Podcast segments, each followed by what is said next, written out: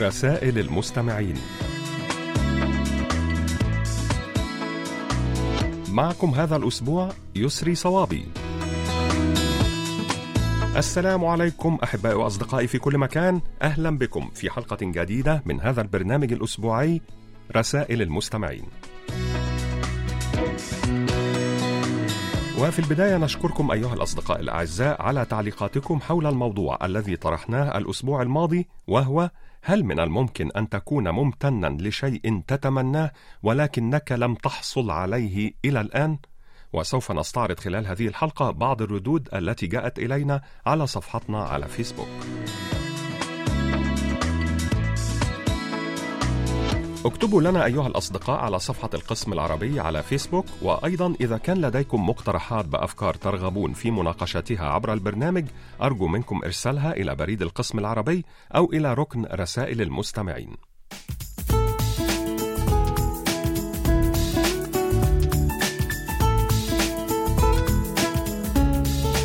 وكالمعتاد نبدأ مع مساهمة جميلة من المحب على الدوام صديقنا العزيز علي بن شهرة من مدينة تيارد بالجمهورية الجزائرية ويقول بعد تقدمي في العمر اكتشفت أنني لا أرغب في الخلافات أو المشاحنات أو الخيبات أو الضغوط من أي نوع. اكتشفت أنني لا أبحث إلا عن صحة جيدة وراحة بال. أحب أي مجلس راق أستقي منه فائدة ومتعة. أحب أن أكون بصحبة أناس قلوبهم بيضاء صافية يعرفون معنى الحب في الله. أريد أن أكون مع من يرون أن الحياة جميلة وبصحبتي هي أجمل وأصفى. أيقنت أنني لا أهتم بكلام كل الناس عني ولكن أهتم بأهل الفضل والحكمة لكي أفهم عيوبي وأعدلها. وأيقنت أنني بدون أخلاقي وعبادتي لا أساوي شيئا في كل مكان. كما أيقنت أن التغافل والتغاضي هم أساس الراحة والعلاقات الناجحة وأيقنت أن ما اختاره الله لي هو الأفضل والأكرم لي ولا زلت أحسن الظن بربي وأنتظر منه الكثير.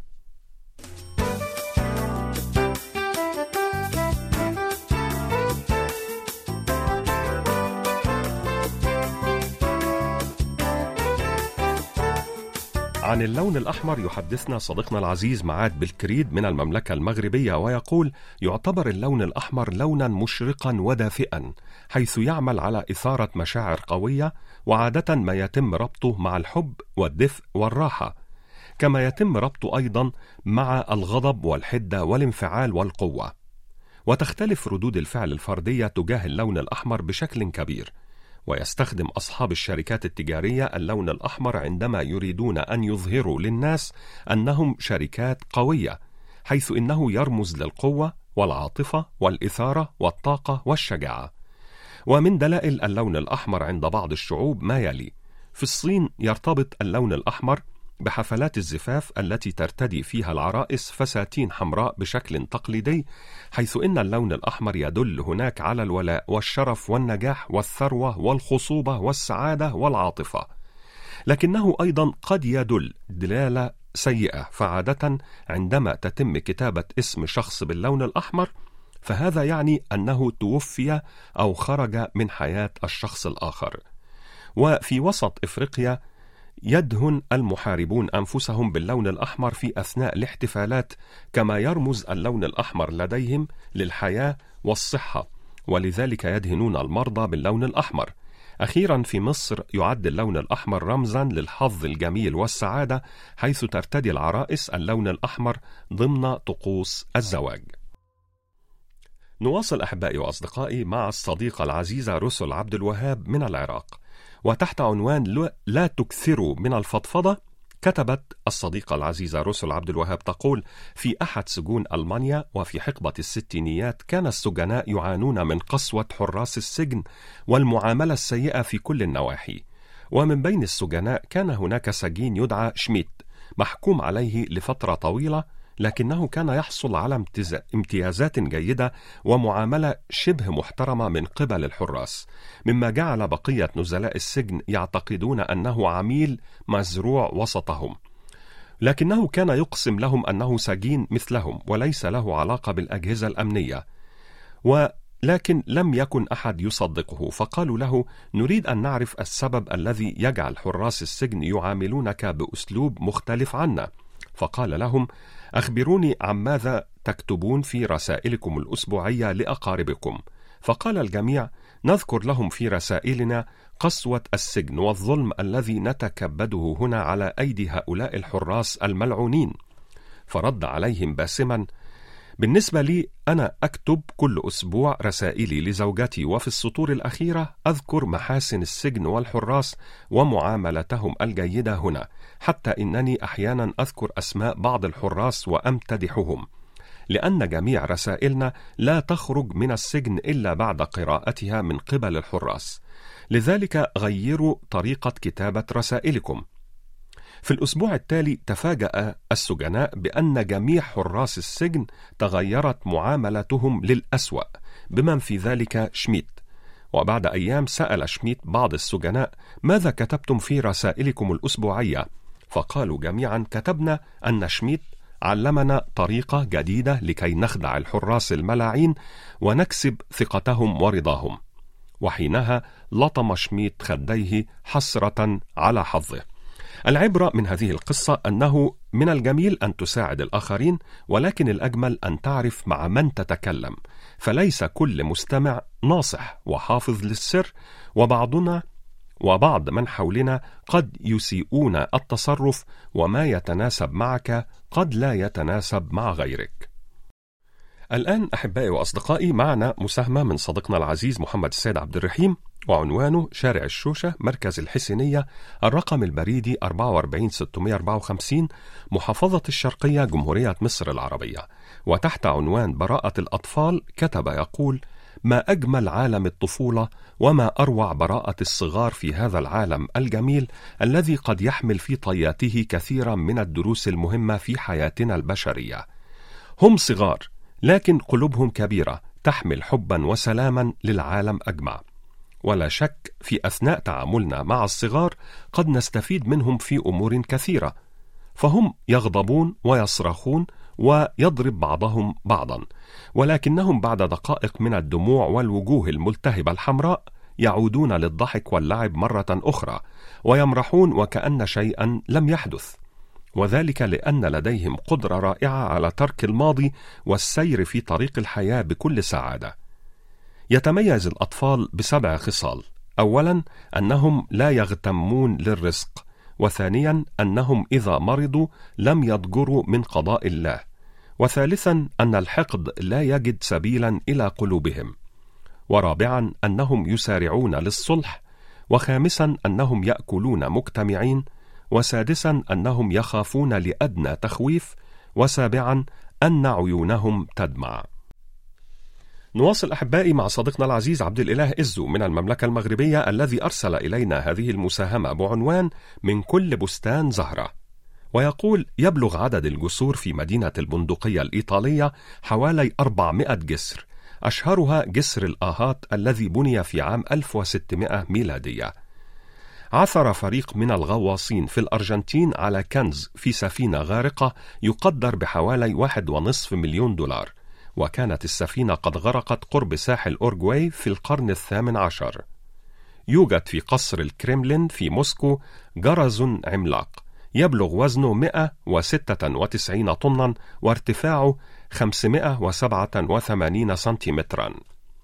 كان الملح في الإمبراطورية الرومانية القديمة سلعة مهمة ونادرة.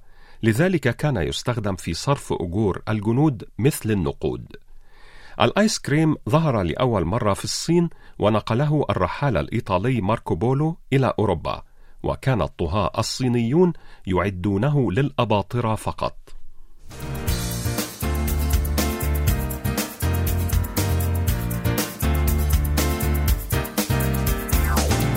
شكرا جزيلا لك يا صديقنا العزيز عبد الإله إزو ونهديك ولكل الأصدقاء الأعزاء. هذه الأغنية الكورية اللطيفة بعنوان دون دون دانس لفرقة أو ماي جيرل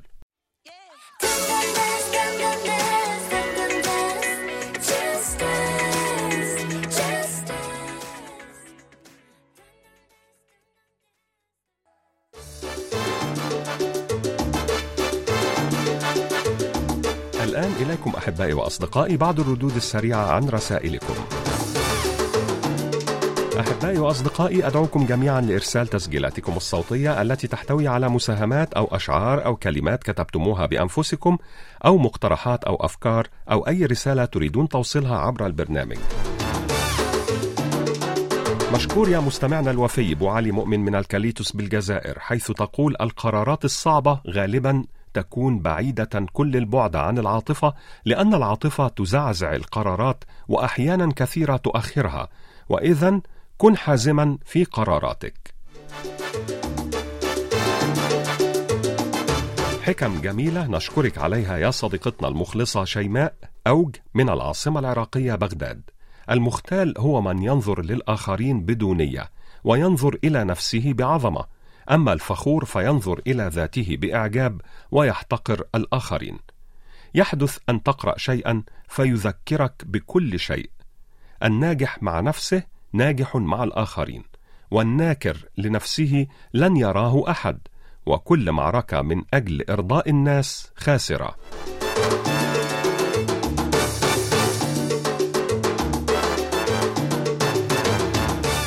الآن نواصل استعراض مساهماتكم الجميلة أحبائي وأصدقائي ومعنا كالمعتاد في مثل هذا الموقع. من البرنامج مساهمة من المستمع المخلص جدا ورفيق الدرب المتواصل عبد الرزاق قاسمي وعنوانه صندوق بريد 32 بني ثور ولاية ورقلة 30009 الجزائر. ويحدثنا هذا الأسبوع عن اليوم العالمي للإعلام الإنمائي. ويقول حددت الجمعية العامة للأمم المتحدة في عام 1972 يوما عالميا للإعلام الإنمائي. يراد منه لفت انتباه الرأي العام العالمي لمشاكل التنمية والحاجة إلى تعزيز التعاون الدولي من أجل حلها.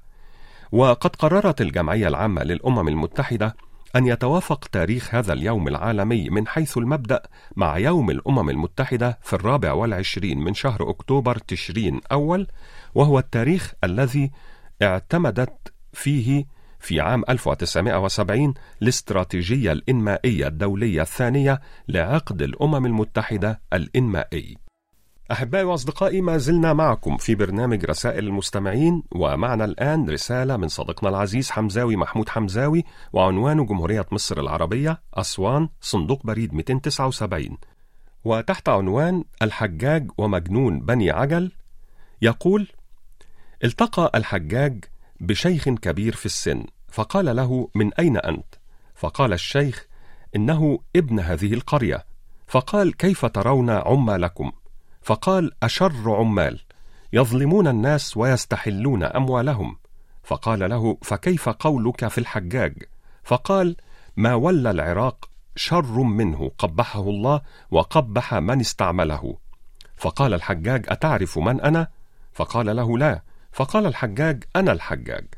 فقال الرجل جعلت فداك أو تعرف من أنا؟ فقال الحجاج لا. فقال الرجل أنا أبو عجلان مجنون بني عجل. أسرع كل يوم مرتين أحدهما في مثل ذلك الوقت. فضحك الحجاج وخلى سبيله. شكرا جزيلا لك يا صديقنا العزيز حمزاوي محمود حمزاوي على هذه المساهمة اللطيفة ونهديك ولكل الأصدقاء الأغنية الجميلة التي أرسلتها لنا للمطربة السودانية ندى القلعة بعنوان شفت كيف الدنيا حلوة؟ الآن نواصل أحبائي وأصدقائي مع مساهمة جميلة من الخل الوفي إدريس بودينا المواطن المغربي المقيم في مدينة بيتسبرغ في الولايات المتحدة الأمريكية وأرسل إلينا نثرا بديعا لجبران خليل جبران عن الربيع. اخترنا منه ما يلي. هلمي يا محبوبتي نمشي بين الطلول. فقد ذابت الثلوج وهبت الحياة من مراقدها وتمايلت في الأودية والمنحدرات. سيري معي لنتتبع آثار أقدام الربيع في الحقل البعيد. تعالي لنصعد إلى أعالي الربا ونتأمل متموجات اخضرار السهول حولها. ها قد نشر فجر الربيع ثوبا طواه ليل الشتاء فاكتست به أشجار الخوخ والتفاح فظهرت كالعرائس في ليلة القدر. واستيقظت الكروم وتعانقت قضبانها كمعاشر العشاق. وجرت الجداول راقصة بين الصخور مرددة أغنية الفرح. وانبثقت الأزهار من قلب الطبيعة انبثاق الزبد من البحر. تعالي لنشرب بقايا دموع المطر من كؤوس النرجس ونملأ نفسينا بأغاني العصافير المسرورة ونغتنم استنشاق عطير النسيمات لنجلس بقرب تلك الصخرة حيث يختبئ البنفسج ونتبادل قبلات المحبة.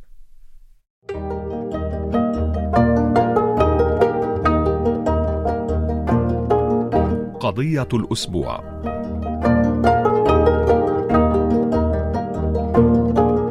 وموضوعنا هذا الأسبوع هو هل من الممكن أن تكون ممتنا لشيء تتمناه لكنك لم تحصل عليه إلى الآن؟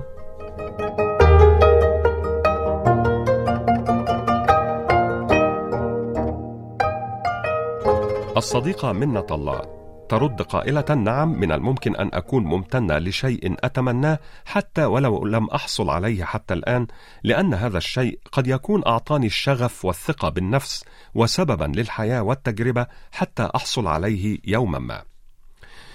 الدكتورة سمر السيد صديقتنا العزيزة من الإسكندرية تقول أكيد ممكن طبعا فلا قوة تضاهي قوة الامتنان. لأن طاقة الامتنان عالية جدا حيث إن شعور الامتنان بالشيء حتى وإن لم أحصل عليه حتى الآن يجعل باقي المشاعر الإيجابية تزدهر كالبهجة والحب والرضا وترتفع أكثر وأكثر وبالتالي يبدأ سريان وجذب إيجابي في الحياة أيضا في الارتفاع مقارنة بالمشاعر السلبية. علياء تقول نعم ممكن وقد حصل معي هذا من قبل فقد كنت أتمنى أن أحصل على شيء معين ولكن لم يحدث. لكنني ممتنة حقا لعدم حصولي عليه. في بعض الأحيان يمكن أن يكون هناك عدم رضا أو بعض المشاعر السلبية لكن سرعان ما تتلاشى. كيم ميسو تقول نعم ممكن لأنه أعطاك الحب والثقة في النفس. أخيرا مساهمة من ميرال تقول أنا أدعم هذه النظرية لأنني فعلا كنت أتمنى أن أتعرف على أشخاص أحبهم ويعلموني أن أبقى صامدة لبقية حياتي ويعلموني معنى العائلة والدفاع عنها لكنني للأسف لم أقابل أي منهم وأتمنى أن يحصل ذلك يوما ما.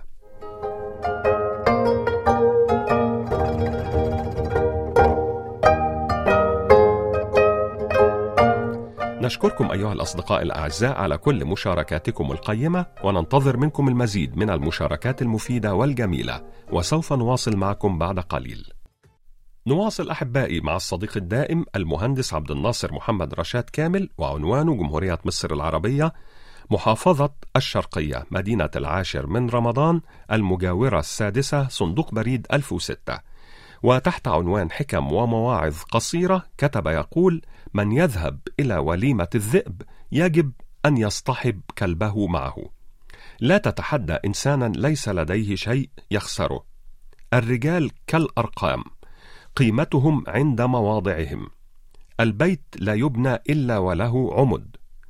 الغني هو الغني بنفسه ولو كان عاري المناكب حافيا. الذي يولد ليزحف لا يستطيع أن يطير. الحكمة قوام العمل الصالح وأساس الخير العام. لكل عالم هفوة ولكل جواد كبوة ولكل صارم نبوة. الضربات القوية تهشم الزجاج ولكنها تصقل الحديد. ليس الحياة بأنفاس نرددها إن الحياة حياة الجد والعمل. خذ من العيش ما كفى ومن الدهر ما صفى. إذا قدرك الله على على من ظلمك فاجعل العفو عنه شكرا لله. من لم يعرف قدر النعم بوجدانها عرفها بفقدانها. أخيرا لا تضيع هيبة الصمت برخيص الكلام.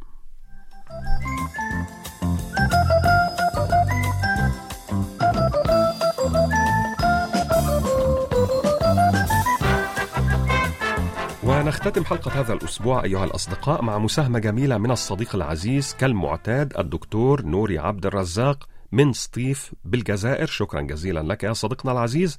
ويقول الأخ الصالح في الدنيا ينفع وفي الآخرة يشفع. إذا اقترب منك منح وإذا ابتعد عنك مدح وإذا ظلمته صفح. ينصحك دون جرح ويحبك دون شرط. الإخوة في الله أو الأخوة في الله جنة معجلة ونعمة لا تقدر بثمن ولا تكال بوزن. الأخوة في الله مصباحك حين تظلم دنياك، وسرك حين تفيض شكواك، وسندك حين تنهار قواك. وقال لي جدي يوما: يا بني انصح ولا تفضح، وعاتب دون أن تجرح. عامل الشخص على حاضره وليس بماضيه، وعلى عقله وليس بعمره. وإن لم تنفع احدا فلا تضره. وقيل إن تختفي ملامح الطفولة عن وجهك فذاك فعل الزمن والعمر. أما أن تختفي عن روحك فذاك فعلك أنت. البراءة والنقاء لا يعبث بهما زمن أو عمر. لابد من تضحية لابد من ضجة فالأقدار لن تمنحنا كل ما نريده دون سعي. لا تحبس بعض الكلام الطيب في قلبك ولا تكتمه عن أحد. امدح من يستحق المدح واشكر من أسدى لك معروفا وقل خيرا للجميع. فالبعض يستمد سعادته من كلماتك والبعض يصنع منها تفاؤله. فالكلمات بلسم للسعادة والأمل. فيا رب جملنا بالكلام الطيب.